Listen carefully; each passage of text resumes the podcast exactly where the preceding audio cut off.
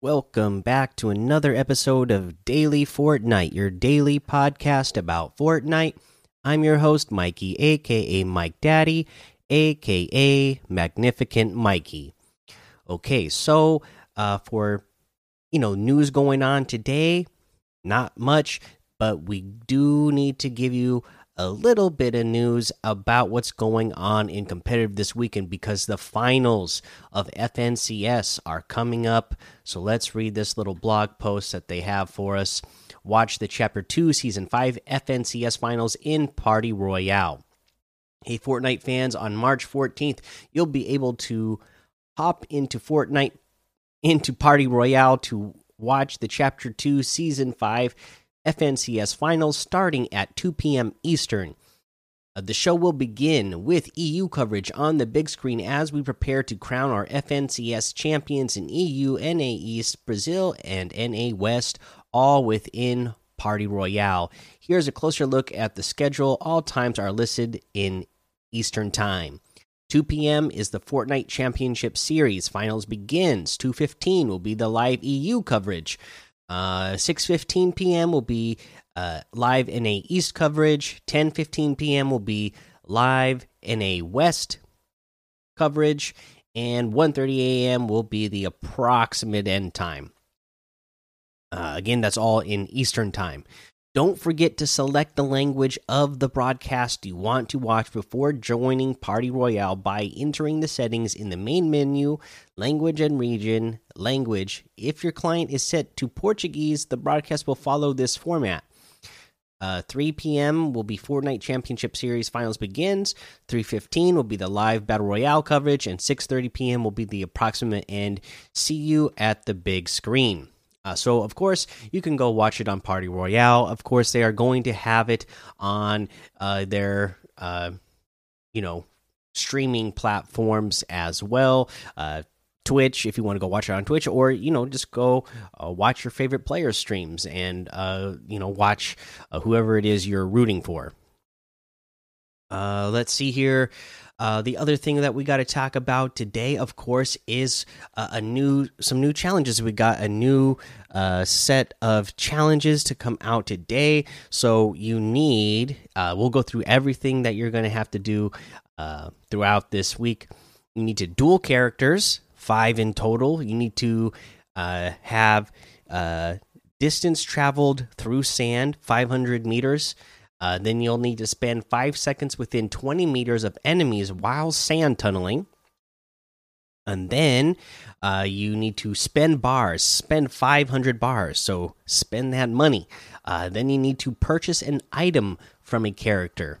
Uh, and again, you can spend bars and purchase an item from a character uh, all in one go. Or that looks like, oh no, that looks like that'll be like the next step type of thing. So you'll have to spend bars, and then that'll be the next one that unlocks. And then you need to upgrade a weapon, and then you need to get intel from a character, and you need to hire a character. So that's all the challenges this week. Uh, as the week goes along, we will give you uh, tips on how to get these challenges done. Uh, let's go ahead and head right on over to the item shop today and see what's in the item shop. Uh, we still have the Master Chief bundle here, uh, and then we have the Synapse outfit with the Hollow Pack back bling for one thousand five hundred.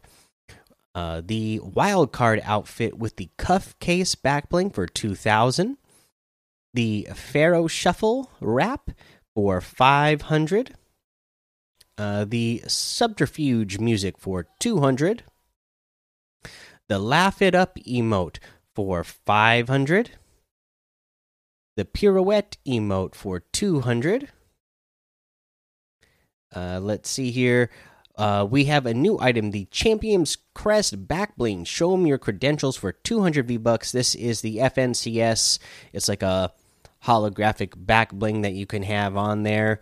Uh, and this is just here for this weekend while FNCS is going on uh, for Chapter 2, Season 5. So if you want this FNCS uh, back bling, you got to get it this weekend. Again, 200 V bucks for that.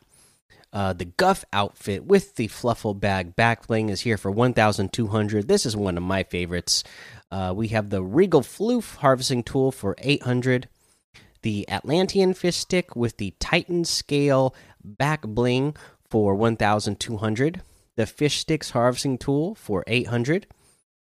Uh, let's see here. The Kratos bundle is still here.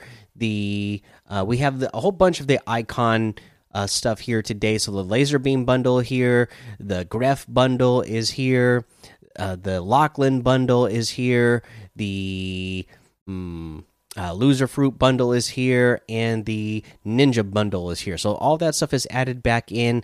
Uh, that's a lot of stuff, uh, and it's all been here before. Uh, so I'm not going to go over each individual item and how much uh, they cost today, but just know that uh, you know if you've been wanting any of your favorite icons like Lazarbeam, the Grefg, Lachlan, Loserfruit, or Ninja, they are in the item shop right now. So you can go get them uh, if you've been waiting for those to come back. Uh, but yeah, that's everything in the item shop. So you can get any and all of these items using code MikeDaddy, M M M I K E D A D D Y, in the item shop, and some of the proceeds will go to help support the show. Okay, so we're getting near the end of the season, and instead of doing a tip of the day today, I kind of want to do an open discussion. I'd love to see some discussion about this in the Discord, some more discussion about it in Discord. And if you're watching this on YouTube, some comments uh, down below in the comment section. Uh, but this is something that uh, I saw come up in the Discord the other day, and uh, kind of came up when I was playing with a group of uh, people in the community uh, the other day as well. I was playing with Bob Den, I was playing with Echo Bucket and Trash Josie, and it, kind of came up the the idea of the of the storm and how fast it moves and you know how you know and again in the discord people were talking about how there's not enough people in in the circles like early in game. Sometimes you might only have uh, 20 or 30 people left uh, before the first uh, uh, storm even closes on the circle which can make a, for a, a boring game if you're spending forever looking for enemies to fight uh, so here's a couple of things that I think uh, could be done because Fortnite does a great job of you know taking what other games have already implemented it and then implementing it in Fortnite and uh, you know perfecting it. Now uh, I have not played Warzone myself at all. But from what I understand, when uh, I was playing with the, those group of guys the other day, Echo Bucket was saying how uh, the storm does a lot more damage early on. So you really need to be funneled in towards the first zone uh, a lot faster. Now, I think that's something that Fortnite could use. Uh, maybe you could also have a faster moving zone, or not a faster moving, but uh, less time before the i mean yeah less time uh, before the next zone starts to move before the storm starts moving again. Uh, because uh, it can seem like it takes a long time in the beginning game. They're giving you a lot of time to loot there. But uh, if you just had a little bit less time it would give you more urgency to start moving in sooner and then it would also give you maybe some more incentive to land where that first circle is going to be. And that could add for more action as well. Now the other thing i uh, heard people say was that you could make it so the lobbies were 150 people. Uh, and i know that is something that people have talked about before as well. Uh, and that could be a possibility just to make sure that there's more people in the in the game I don't know how that would look, you know, with so many uh, builds going on. You know, how is that going to affect the servers in the in the game, and how is that going to affect the quality of the gameplay? Uh, so I'm not sure how that would actually work or if it, that would be good.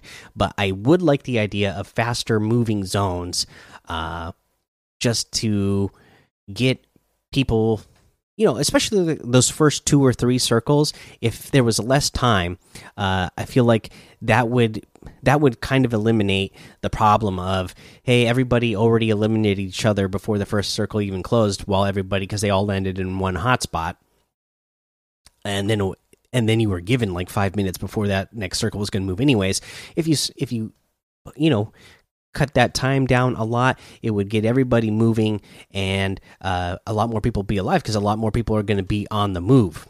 Uh, hopefully that would be the case, but I'd love to hear some of your ideas out there. What would you do to make it so that there was more players in the middle and end game, especially in public matches uh, right now? Right, that's the kind of the issue we're talking about. It's not such a problem in a competitive mode, but in public matches, sometimes the matches can feel long and uh, and drawn out if you can't find an enemy because there's already only 20 people left before the first storm has even closed in uh, yeah, I'd love to hear your thoughts out there and know uh, uh, what you think. Uh, but that's going to be the episode for today. So go join the daily Fortnite Discord and hang out with us. Follow me over on Twitch, Twitter, and YouTube. It's Mike Daddy on all of those. Head over to Apple Podcasts, leave a five star rating and a written review for a shout out on the show. Make sure you subscribe so you don't miss an episode. And until next time, have fun, be safe, and don't get lost in the storm.